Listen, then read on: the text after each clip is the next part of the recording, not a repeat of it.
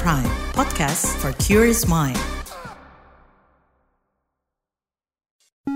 Saatnya Anda dengarkan Ruang Publik KBR yang dipersembahkan oleh Yayasan Lembaga Konsumen Indonesia YLKI.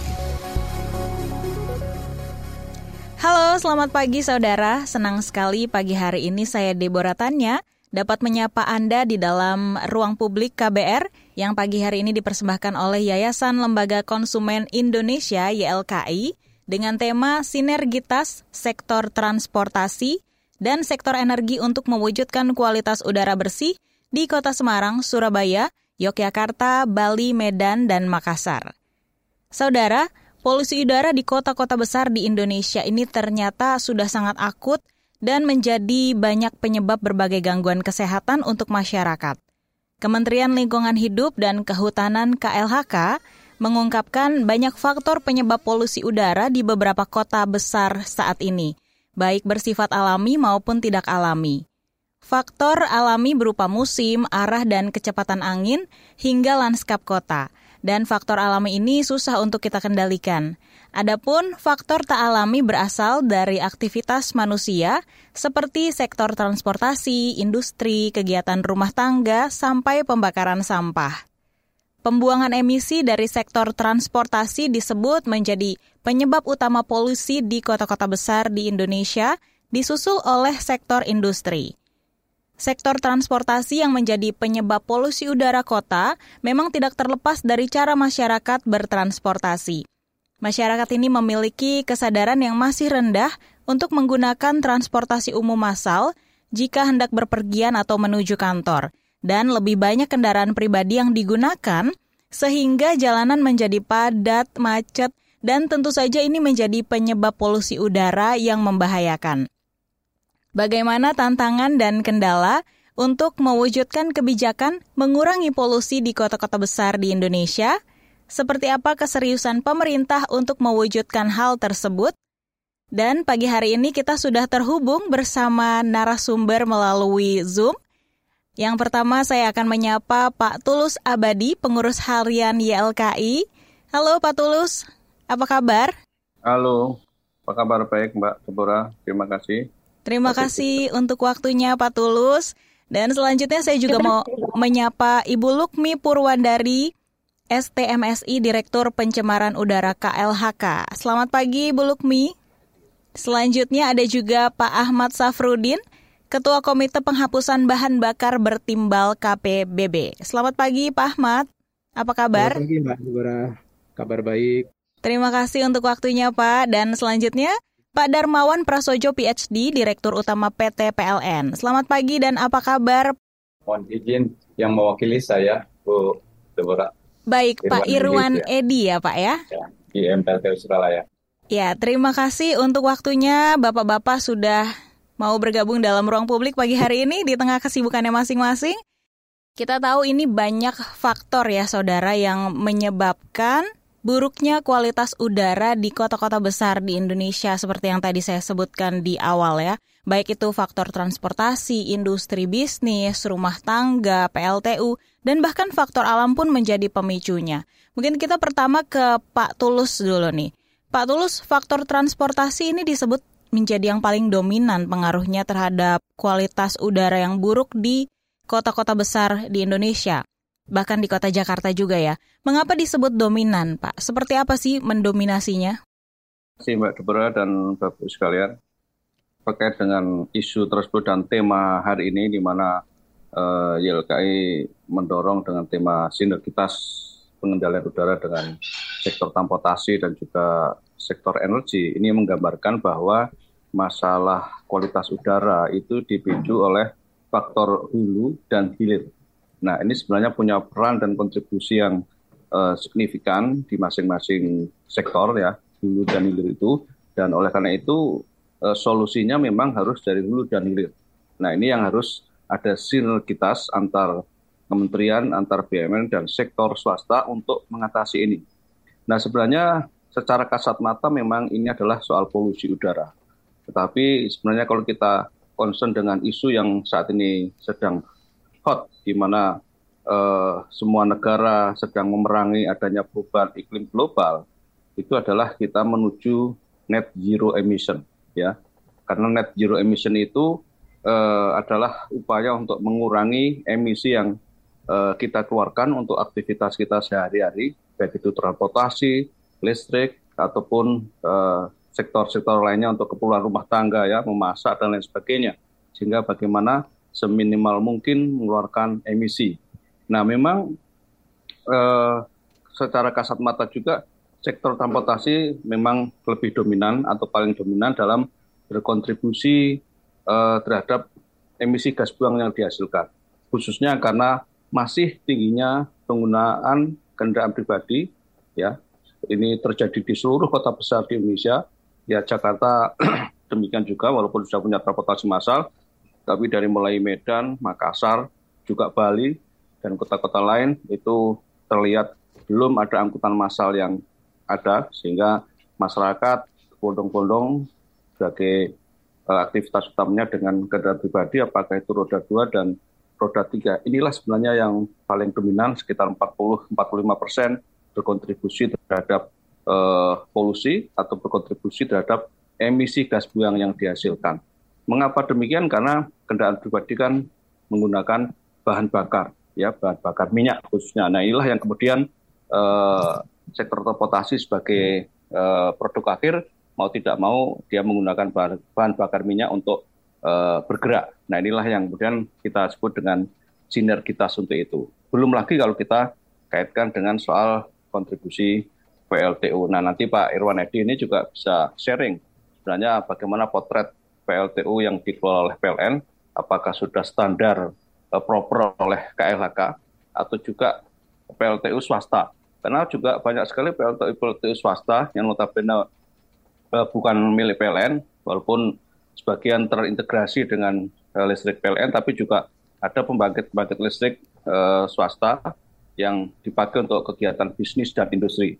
Khususnya kalau kemarin kita bicara di Jabodetabek, di mana Jabodetabek dikepung oleh 17 PLTU ya di Provinsi Banten, Provinsi Jabar dan juga di Jakarta. Nah, di daerah-daerah seperti Makassar, Bali dan bahkan Bali sebagai uh, pulau yang mendeklarasikan sebagai Green Island itu juga ternyata ada PLTU-nya ya PLTU di mana itu juga uh, nanti kita lihat bagaimana uh, apakah sudah standar proper atau tidak nanti Bu Lukmi bisa menyampaikan. Nah oleh karena itu pada titik yang paling ideal adalah kita didorong untuk mengatasi itu dengan menggunakan kendaraan angkutan umum dan ini oleh karena itu pemerintah pemerintah daerah harus ber uh, kontribusi bagaimana mewujudkan uh, angkutan umum di daerah ini.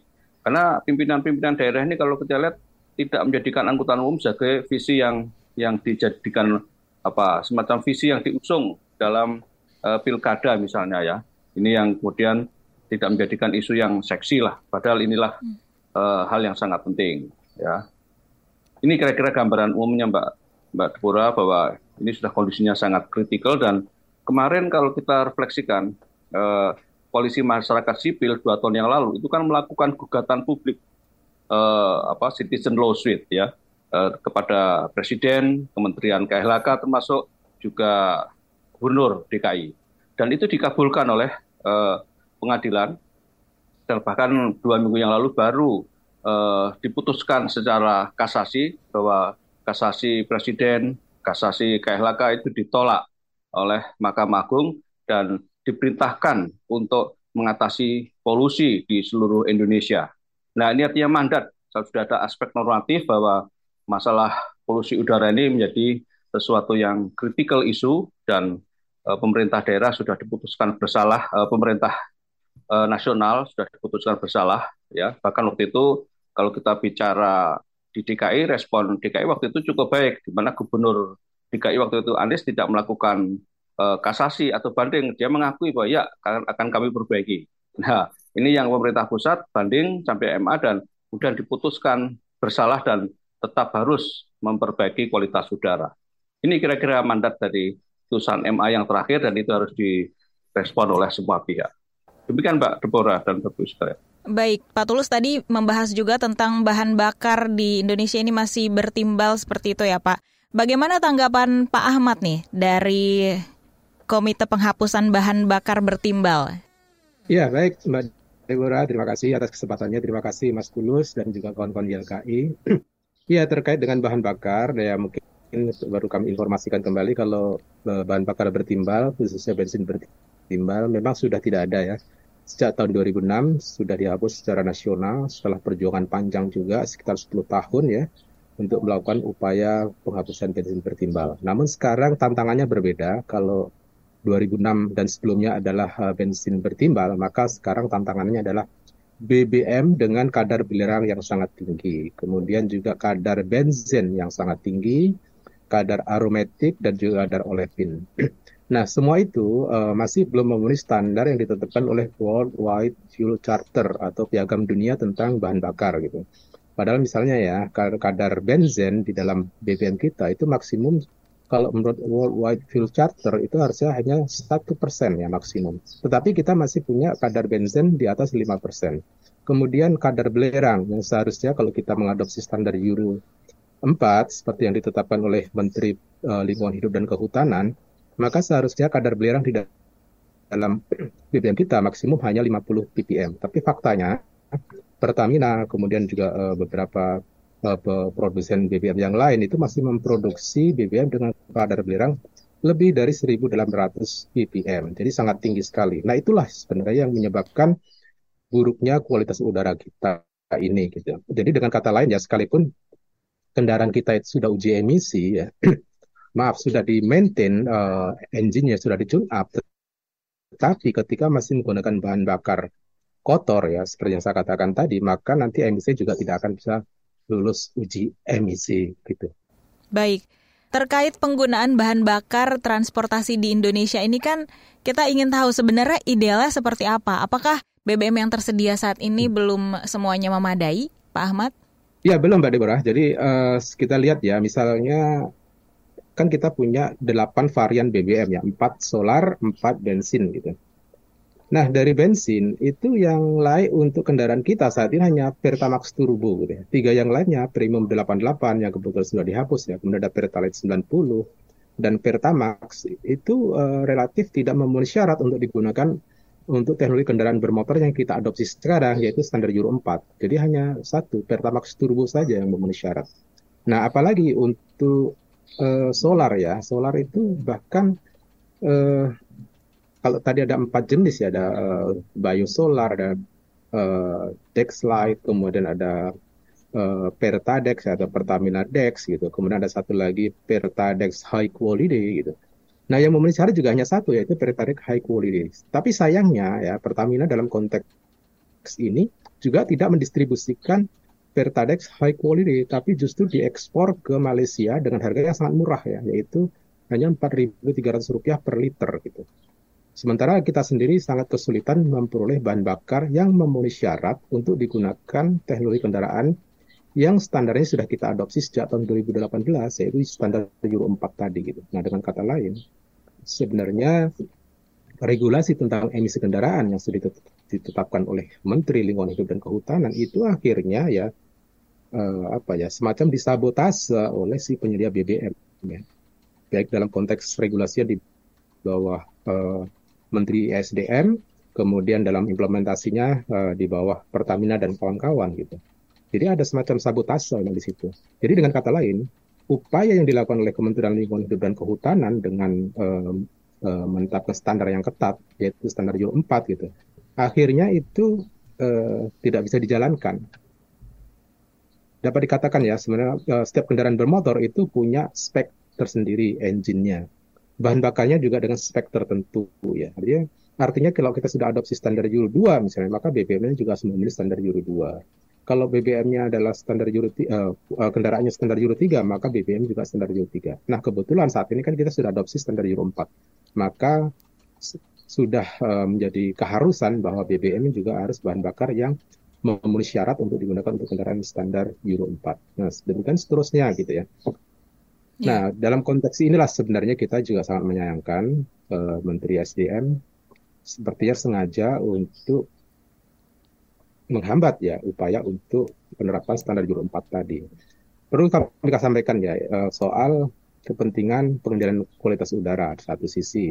Di sisi lain, perlunya menggunakan bahan bakar yang lebih bersih dalam rangka menunjang upaya percepatan kebijakan uh, pengendalian pencemaran udara itu juga tidak terlepas dari konstelasi uh, geopolitik dalam konteks perdagangan BBM ya. Baik. Nah, di Asia ya uh, banyak negara sudah meninggalkan uh, standar euro yang rendah, minimal euro standar euro 4 seperti Malaysia, Thailand, Vietnam, Filipina, India, Cina. Mereka sudah tidak menggunakan bahan bakar yang kotor. Baik, Pak nah, Ahmad, izin uh, untuk memotong, uh, kita harus jeda terlebih dahulu. Kita akan kembali lagi perbincangan ruang publik KBR setelah ini. Masih Anda dengarkan Ruang Publik KBR yang dipersembahkan oleh Yayasan Lembaga Konsumen Indonesia, YLKI.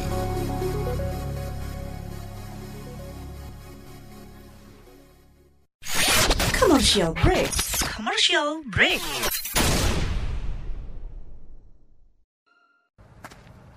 Permisi, Mas. Iya, Mbak. Numpang nanya. Mau nanya apa?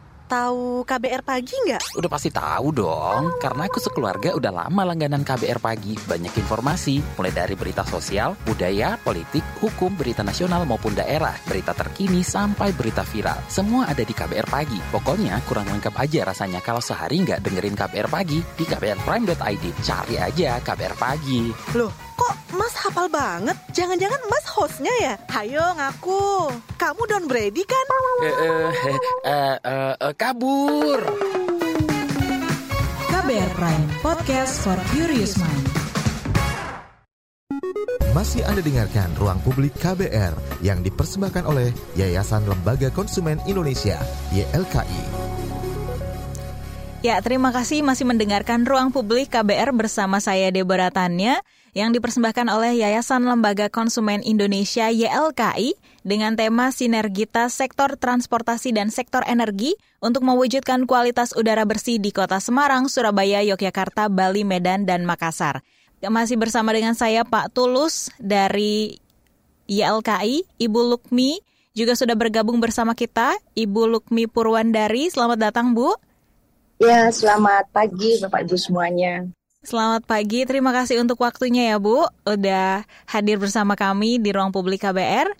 Dan juga ada Pak Irwan Edi dari PT PLN dan Pak Ahmad Safrudin dari KPBB.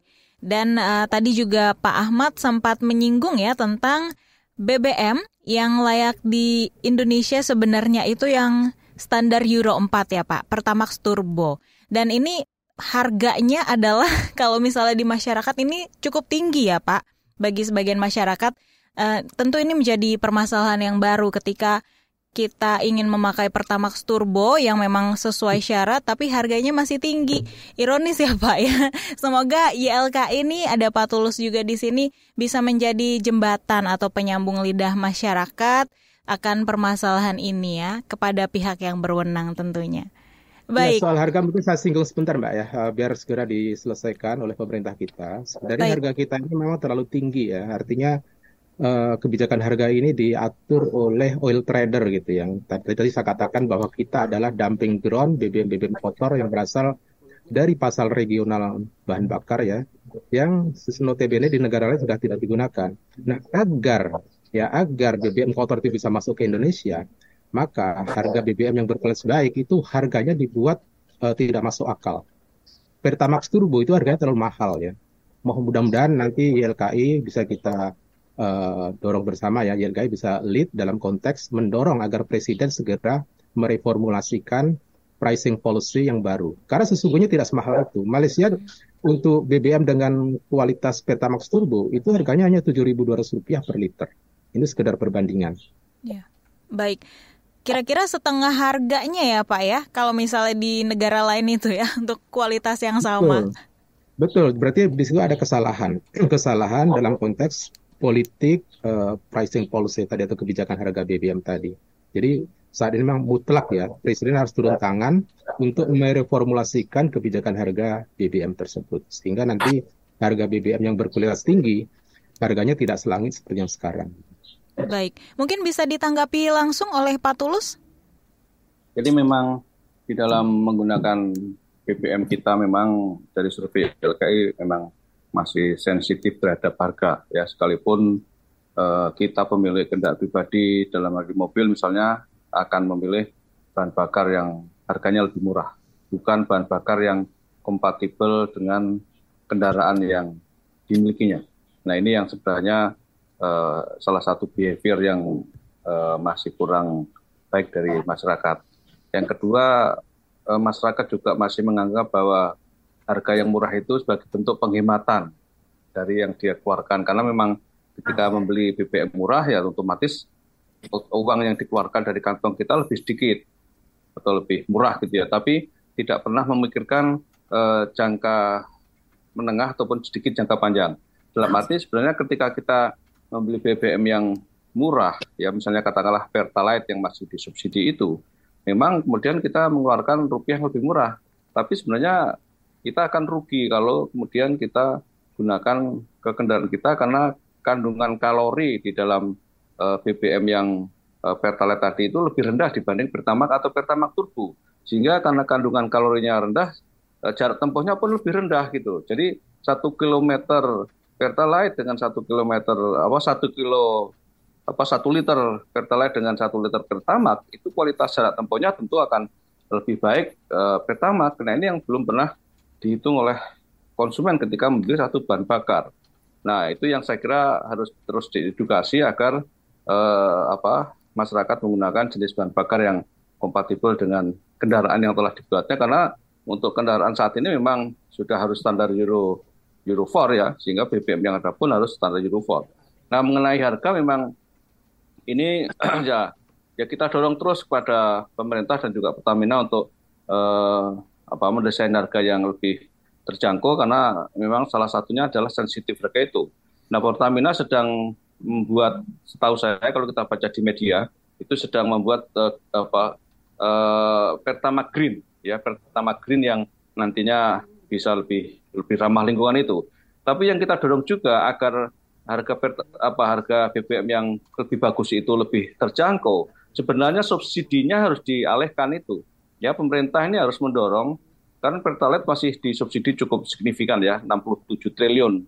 Eh, nah, mengapa kemudian pemerintah tidak mau mengkonversi atau memigrasikan uh, subsidi itu kepada BBM yang lebih baik kualitasnya sehingga harganya bisa lebih murah. Sekalian subsidi ya subsidi kepada yang kualitasnya lebih baik, bukan subsidi yang belum memenuhi standar. Ya, sehingga kalau 67 triliun ini diberikan kepada misalnya Pertamax minimal atau Pertamax turbo, harganya akan lebih murah. Jangan subsidi yang eh, apa yang belum memenuhi standar yaitu Pertalite sekalipun Pertalite tentu lebih baik dari uh, premium waktu itu yang yeah. uh, ronnya atau oktan numbernya 88 dan Pertalite 90 ya.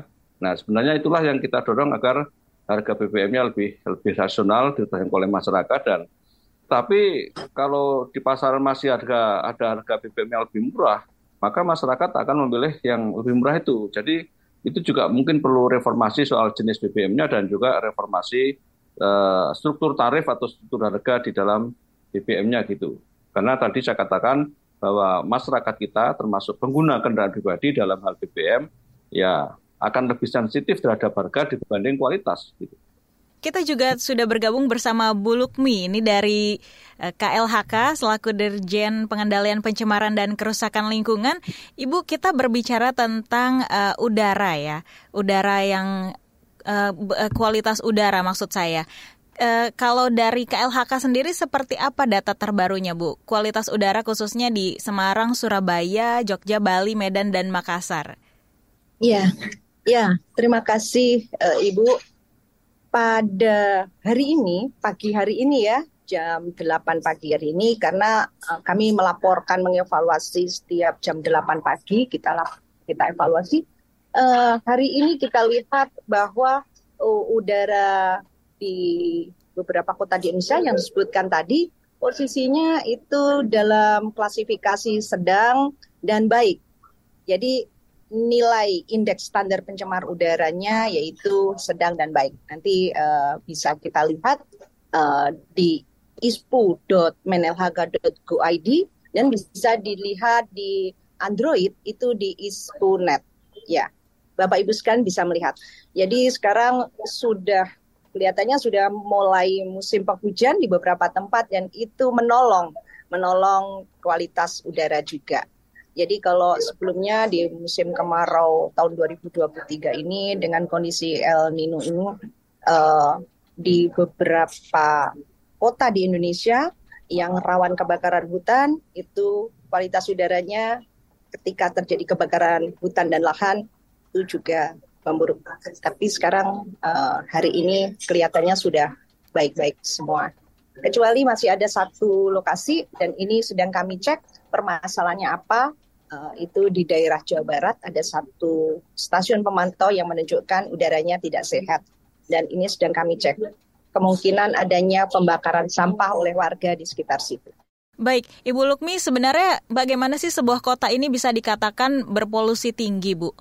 Ya, di Indonesia indikator udara dikatakan berpolusi tinggi itu menggunakan indeks standar pencemar udara. Jadi ada perumusannya itu memantau kualitas udara, mengukur dengan peralatan yang otomatis, kontinu dan real time. Itu diukur parameter-parameter pencemarnya, baik parameter kimia, fisika maupun meteorologinya. Kecepatan angin juga diukur, kelembapan diukur, temperatur diukur, dan semuanya itu ada perumusannya menjadi indeks standar pencemar udara. Dan yang disebut dengan ISPU tadi, indeks standar pencemar, nanti yang menentukan adalah parameter kritisnya, artinya memiliki nilai ISPU tertinggi itu yang disebut ISPU pada lokasi tersebut. Jadi dikatakan baik udara ISPU itu berkisar antara 0 sampai 10, ikutnya 51 sampai 100 itu sedang, lebih dari 100 sampai 200 itu tidak sehat, 200 sampai 300 itu sangat tidak sehat dan ISPU lebih dari 300 itu uh, berbahaya. Seperti itu. Terima kasih penjelasannya Ibu Lukmi. Selanjutnya kita akan menyapa Pak eh, Irwan dari PLN. Kita ketahui bersama nih Pak keberadaan PLTU ini disebut turut menjadi pemicu buruknya kualitas udara di kota-kota besar di Indonesia. Bagaimana pandangan Anda terkait hal ini, Pak Irwan? Selamat pagi, Bu Deborah, pagi, Pak Tulus, Pak Ahmad, dan Bu Lukmi. Terima kasih, Bu. Jadi, eh, dapat kami sampaikan di enam kota-kota besar ini ya Semarang, Jogja, Bali, Medan, Surabaya, dan Makassar setidaknya itu ada 17 pembangkit termal dan berbahan bakar gas eh, yang eh, berada eh, mungkin eh, berdekatan lah gitu ya dalam radius 100 km. Nah, 11 di antaranya itu adalah PLTU. Eh, jadi kami sendiri dari PLN itu selalu bertanggung jawab dalam memelihara lingkungan, eh, terutama terkait dengan baku mutu emisi. Nah, beberapa teknologi standar eh, sudah kita eh, implementasikan, ya, seperti pemasangan ESP, Electrostatic Precipitator, untuk menangkap uh, partikulat gitu ya. Kemudian low NOx burner ini untuk mengendalikan emisi gas buang terutama uh, jenis NOx dan juga kita untuk pemantauan lingkungan uh, menggunakan teknologi CHAMS. Nah, di mana uh, monitoring emisi ini secara online dan terintegrasi dengan uh, SISPEC milik KLHK. Jadi eh, KLHK juga bisa memantau eh, emisi gas buang dari setiap pembangkit yang dimiliki PLN. Baik. Nah dari total pembangkit-pembangkit tadi itu eh, memang tidak semuanya eh, milik PLN. Eh, kami juga di Indonesia Power dan Nusantara Power gitu ya paling eh, banyak memiliki pembangkit di Pulau Jawa.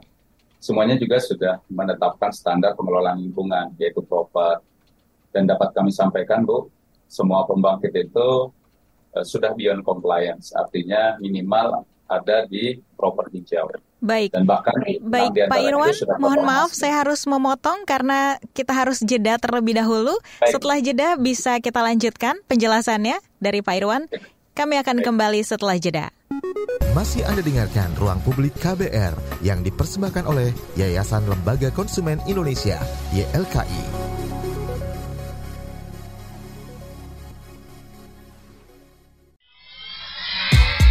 Yuk follow social media KBR, Twitter at Berita KBR, Instagram at kbr.id, Youtube Berita KBR. Masih Anda dengarkan Ruang Publik KBR yang dipersembahkan oleh Yayasan Lembaga Konsumen Indonesia, YLKI. Masih bersama saya Deborah Tanya dalam Ruang Publik KBR dipersembahkan oleh Yayasan Lembaga Konsumen Indonesia YLKI dengan tema sinergitas sektor transportasi dan sektor energi untuk mewujudkan kualitas udara bersih di Kota Semarang, Surabaya, Yogyakarta, Bali, Medan, dan Makassar. Kita ngobrol dengan Pak Irwan, sempat terputus. Silahkan bisa dilanjut Pak Irwan. Baik, terima kasih Bu Deborah. Jadi eh, saya lanjut. Dari 11 PLTU tadi itu uh, setidaknya kita ada enam pembangkit ya yang sudah proper emas gitu ya, di enam kota besar tadi itu. Dan selain kita memanfaatkan teknologi untuk pengukuran baik di eh, dalam pembangkit, kami juga melakukan secara rutin pengukuran eh, emisi ambaya.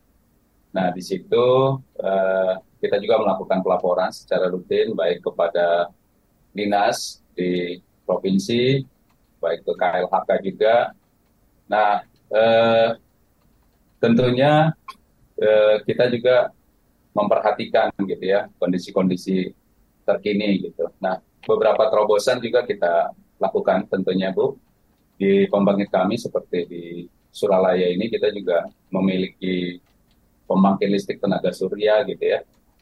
Mungkin terbesar kalau sekarang di Indonesia 1254 kWp Nah, itu semua adalah dalam upaya kami untuk menurunkan emisi khususnya untuk pemakaian listrik untuk di gedung-gedung. Sehingga eh, kita tidak lagi menggunakan listrik dari eh, jaringan gitu. Dan bahkan yang terbaru beberapa hari kemarin eh, PLN juga meluncurkan eh, dan meresmikan 21 lokasi eh, pembangkit yang sudah memproduksi hidrogen secara green. Karena hidrogen ini sangat dibutuhkan untuk di pembangkit dalam pendinginan alat-alat utama terutama trafo. Demikian Bu. Baik. Uh, menyambung uh, perbincangan dengan Pak Irwan ke Bulukmi terlebih dahulu, Ibu, seperti apa sebetulnya standar proper untuk sektor per uh, ketenaga listrikan ini dari KLHK? Apakah dari semua PLTU yang uh, ada sudah memenuhi syarat tersebut, syarat uh, standarnya, atau bagaimana pengawasan yang dilakukan juga oleh pemerintah?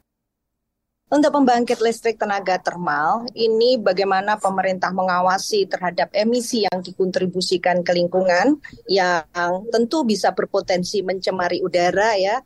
Itu yang sudah dilakukan oleh pemerintah yaitu memperketat baku mutu emisi bagi pembangkit listrik tenaga termal melalui peraturan Permen LHK nomor 15 tahun 2019. Jadi sudah diperketat peraturannya, emisi yang dihasilkannya.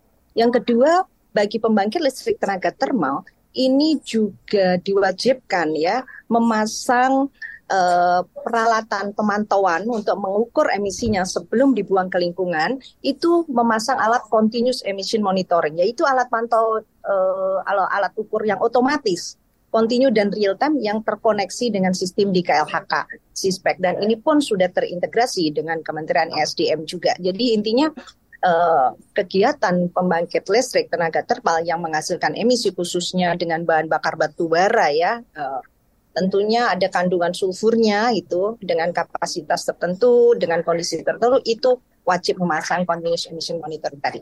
Berikutnya dari sisi proper. Proper sendiri uh, levelingnya, levelnya itu ada dua macam. Tadi disebutkan dari PLN tadi bahwa sekarang uh, uh, eh, PLTU banyak yang mendapat peringkat sudah emas dan hijau begitu ya tadi sebutkan. Jadi levelnya adalah level pertama taat karena ini terkait dengan kewajiban harus taat pada peraturan yang berlaku. Tidak hanya peraturan terkait dengan pemenuhan baku mutu emisinya yang di, dihasilkan atau dibuang ke lingkungan, uh, tapi juga pengelolaan lingkungan lainnya seperti pengelolaan air limbahnya, uh, pengelolaan limbah P3-nya itu semuanya juga diatur. Artinya kalau taat semuanya itu peringkatnya biru dan itu dipublikasi ke masyarakat melalui media sosial. Berikutnya kalau bicara hijau dan emas, itu tidak hanya taat pada peraturan tapi sudah beyond compliance, yaitu satu melakukan efisiensi energi, melakukan konservasi air. Jadi hal-hal yang sifatnya uh,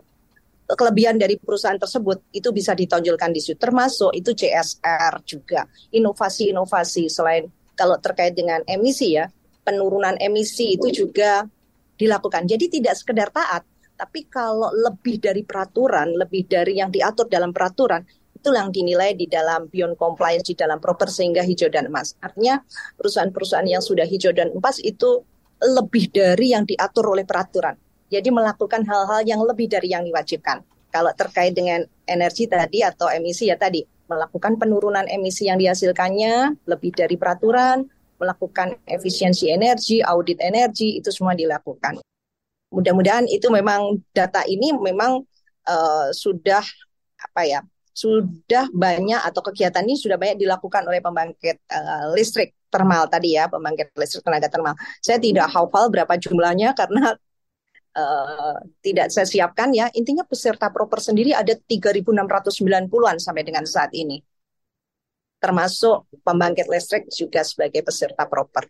Jadi diawasi terus gitu dan setiap tahun juga diumumkan tadi pengumumannya nanti akhir atau bulan Desember ini, akhir Desember akan diumumkan mana saja perusahaan yang peringkatnya biru itu taat pada peraturan atau tidak melakukan sesuai peraturan itu merah dan bahkan hitam kalau tidak melakukan upaya pengelolaan lingkungan dan hijau emas itu lebih dari taat, lebih dari yang diatur dalam peraturan. Dengan cara itu saya kira kualitas udara di Indonesia diharapkan akan lebih baik lagi karena selain dari faktor alam yaitu musim ya, faktor musim di Indonesia itu sangat berpengaruh terhadap kualitas udara. Tapi sumber-sumber pencemar yang diakibatkan oleh kegiatan manusia itu sangat penting saya kira. Dari pengalaman tahun tahun-tahun belakangan ini terhadap kualitas udara Jakarta dan sekitarnya, ini kelihatan sekali bahwa pengaruh kegiatan uh, aktivitas manusia, baik juga proses produksi konsumsinya, artinya industri-industrinya ini mempengaruhi kualitas udara dan lebih di disupport lagi atau didukung lagi oleh musim.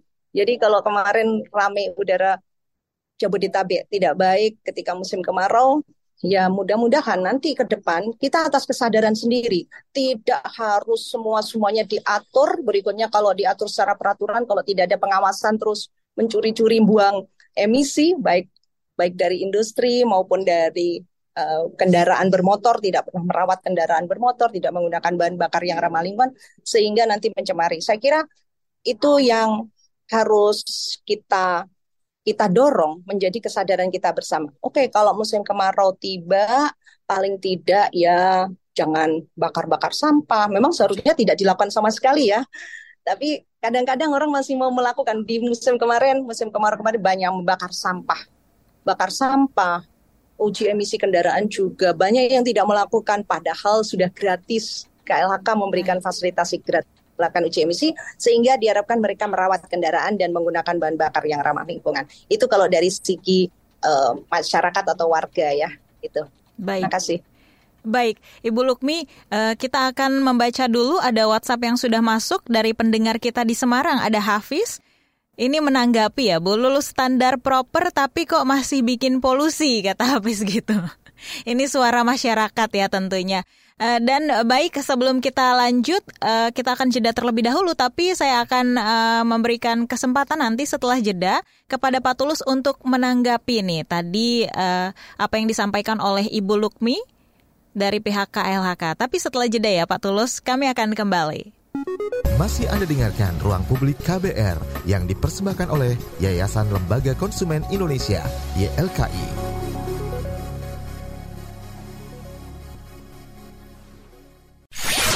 Commercial break. Commercial break.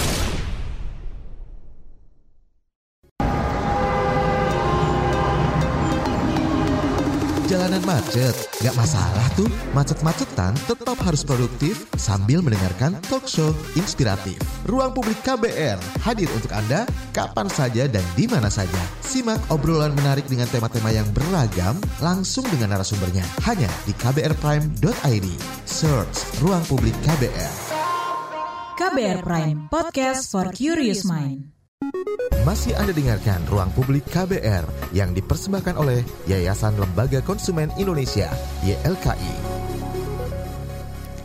Ya, tidak terasa kita sampai di bagian akhir ruang publik KBR yang dipersembahkan oleh Yayasan Lembaga Konsumen Indonesia YLKI dengan tema sinergitas sektor transportasi dan sektor energi untuk mewujudkan kualitas udara bersih di kota Surabaya, Medan, Yogyakarta, Bali, Medan, dan Makassar. Baik, masih bersama keempat narasumber kita ada Pak Tulus, Ibu Lukmi, Pak Ahmad, dan juga Pak Irwan tentunya.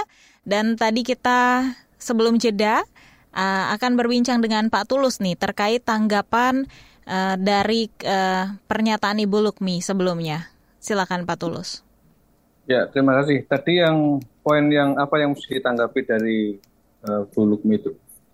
Iya, terkait tadi penjelasan tentang PLTU yang sudah memenuhi standar, tapi ada juga tanggapan dari uh, WhatsApp kami dari Hafiz oh. tentang standar proper sudah standar proper tapi masih memberikan dampak polusi seperti itu Pak. Ya begini uh, para pendengar KPR bahwa uh, kan di dalam energi itu ada dua apa dua jenis besar ya ada energi fosil dan ada energi uh, eh, EBT energi baru dan energi terbarukan.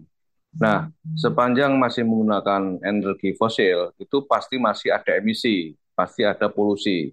Nah, eh, PLTU, BBM yang kita gunakan itu adalah salah satu energi fosil yang paling utama. Tentu karena masih menggunakan itu masih ada polusi.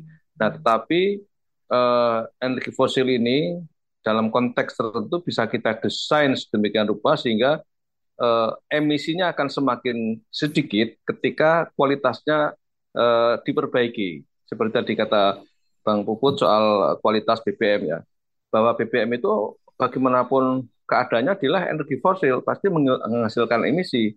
Nah, oleh karena itu harus ada standar tertentu agar uh, emisi yang dihasilkan itu bisa lebih rendah. Nah, di dalam BBM itu semakin tinggi kualitasnya, semakin rendah emisinya.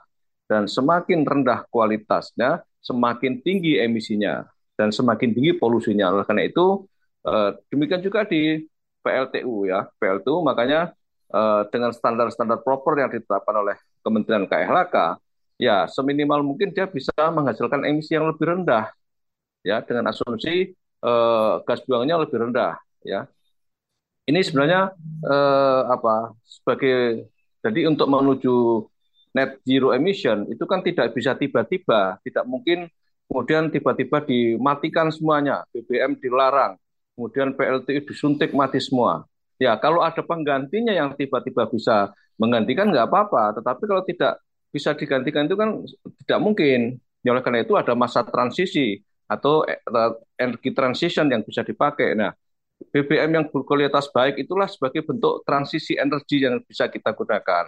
Demikian juga dengan dengan PLTU, dengan emisi yang ditetapkan, dengan standar yang ditetapkan itu sebagai bentuk transisi yang bisa kita gunakan gitu karena uh, syarat sebuah energi itu ada tiga yaitu ketersediaan keterjangkauan dari sisi harga dan juga uh, keandalan ya tiga ini harus bisa dipenuhi oleh energi uh, apa pun apakah energi fosil ataupun energi uh, baru dan terbarukan sepanjang itu tidak bisa ya uh, sulit gitu karena ketersediaan itu harus ada komoditasnya harus ada, eh, keterjangkauan harganya harus terjangkau oleh masyarakat dan ketiga keandalan dari produk itu. Nah, ini yang harus dijawab dengan transisi energi. Jadi sesuatu memang perlu transisi dan salah satunya juga bagaimana menyediakan angkutan umum yang baik di kota-kota besar ya seperti di kota-kota dari Makassar, di Bali, di Medan, Denpasar dan lain sebagainya itu adalah bentuk transisi ya bentuk transisi agar walaupun kita tetap menghasilkan emisi, tapi emisinya seminimal mungkin gitu kan.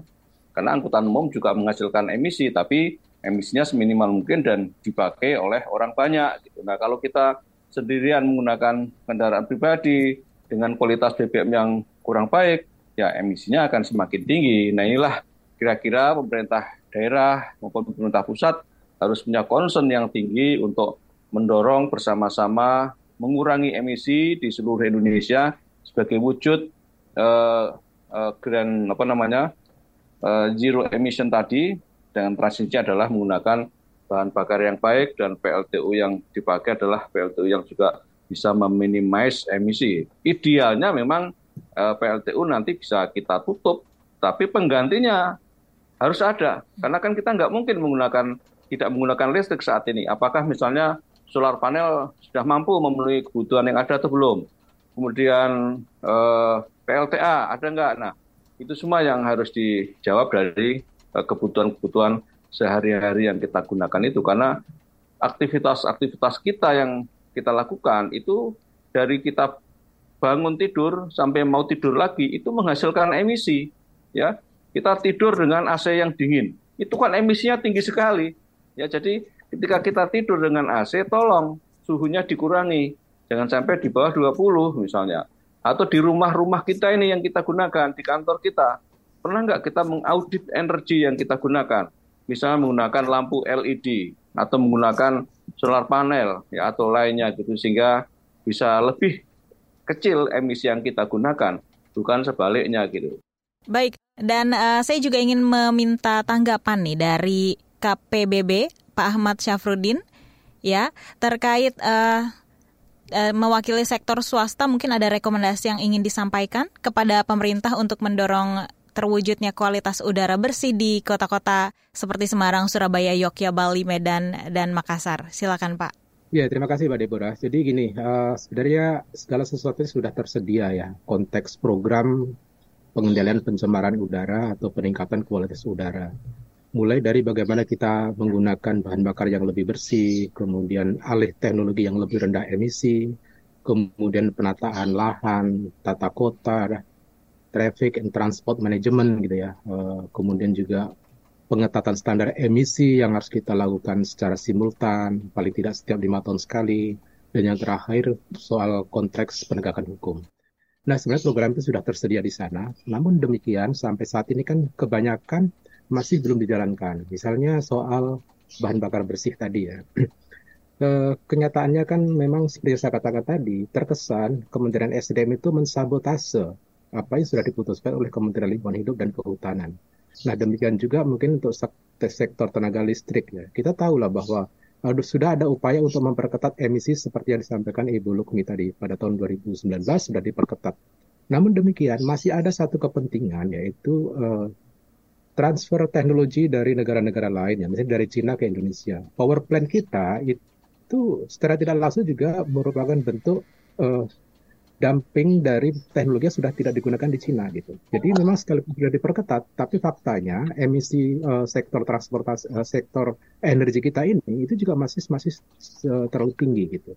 Nah kemudian yang ketiga tadi traffic and transport management. Nah pemerintah kota seperti yang dikatakan Mas Tulus tadi, pemerintah kota masih bias ya pada kepentingan politik elektoral. Jadi tidak membenahi public transportnya yang dirasa tidak menjadi prioritas utama dalam kota-kota tersebut sehingga masyarakat ke mana-mana harus mengandalkan kendaraan sendiri ketimbang public transport.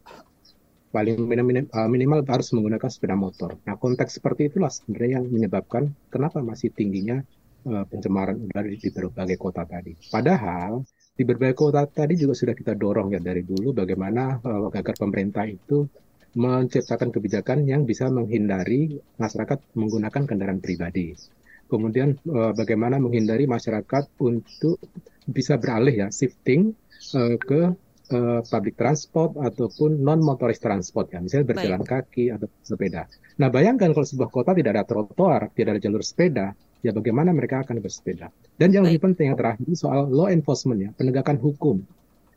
Sampai saat ini, mandat Undang-Undang Nomor 22 Tahun 2009 tentang lalu lintas angkutan jalan raya itu tidak pernah dilaksanakan oleh polisi dalam konteks ini polisi lalu lintas, yaitu razia emisi. Sehingga wajar kalau hampir semua kendaraan bermotor uh, di berbagai kota di Indonesia itu tidak memenuhi baku mutu emisi. Baik. Jadi masih besar yang harus dijalankan dan tidak perlu uh, bermacam-macam seremoni dan sebagainya.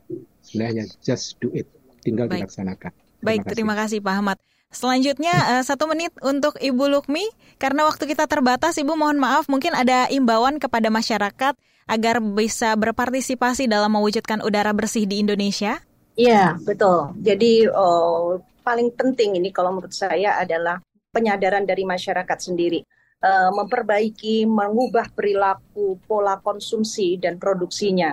Nantinya baik produsen maupun masyarakat pengguna konsumen itu harus ramah lingkungan ya. Jadi kembali lagi ke diri kita sendiri sebagai warga masyarakat, pola konsumsi kita harus kita kendalikan, jangan berlebih-lebihan seperti penggunaan listrik, penggunaan kebutuhan kita sehari-hari supaya tidak berlebih-lebihan. Jadi secukupnya sesuai kebutuhan itu saya kira penting. Dan yang kedua menggunakan kendaraan umum itu memang juga penting, tapi memang sekarang ini saat ini masih terbatas. Oleh karena itu dorongan kepada pemerintah daerah kami pun juga ada program namanya program Langit Biru itu mendorong pemerintah daerah untuk melibatkan semua stakeholder di daerah masing-masing 514 kabupaten kota ya ini uh, dan juga provinsi untuk melibatkan stakeholder di daerahnya pentahelix dari pemerintah kerjasama dengan komunitas masyarakat pelaku usaha dan juga media sosial dan Baik. satu lagi akademika untuk bersama-sama memperbaiki kualitas udara Baik. dan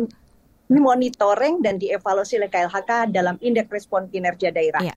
Terima kasih sekali untuk uh, himbauannya kepada masyarakat. Karena waktu kita terbatas, Ibu, kita harus tutup uh, ruang publik pada pagi hari ini. Dan Deborah mengucapkan terima kasih untuk Pak Tulus, Ibu Lukmi, Bapak Ahmad, dan juga Bapak Irwan yang sudah menjadi narasumber di ruang publik KBR pagi hari ini. Deborah tanya pamit, salam. Baru saja Anda dengarkan Ruang Publik KBR yang dipersembahkan oleh Yayasan Lembaga Konsumen Indonesia YLKI. KBR Prime, cara asik mendengar berita. KBR Prime, podcast for curious mind.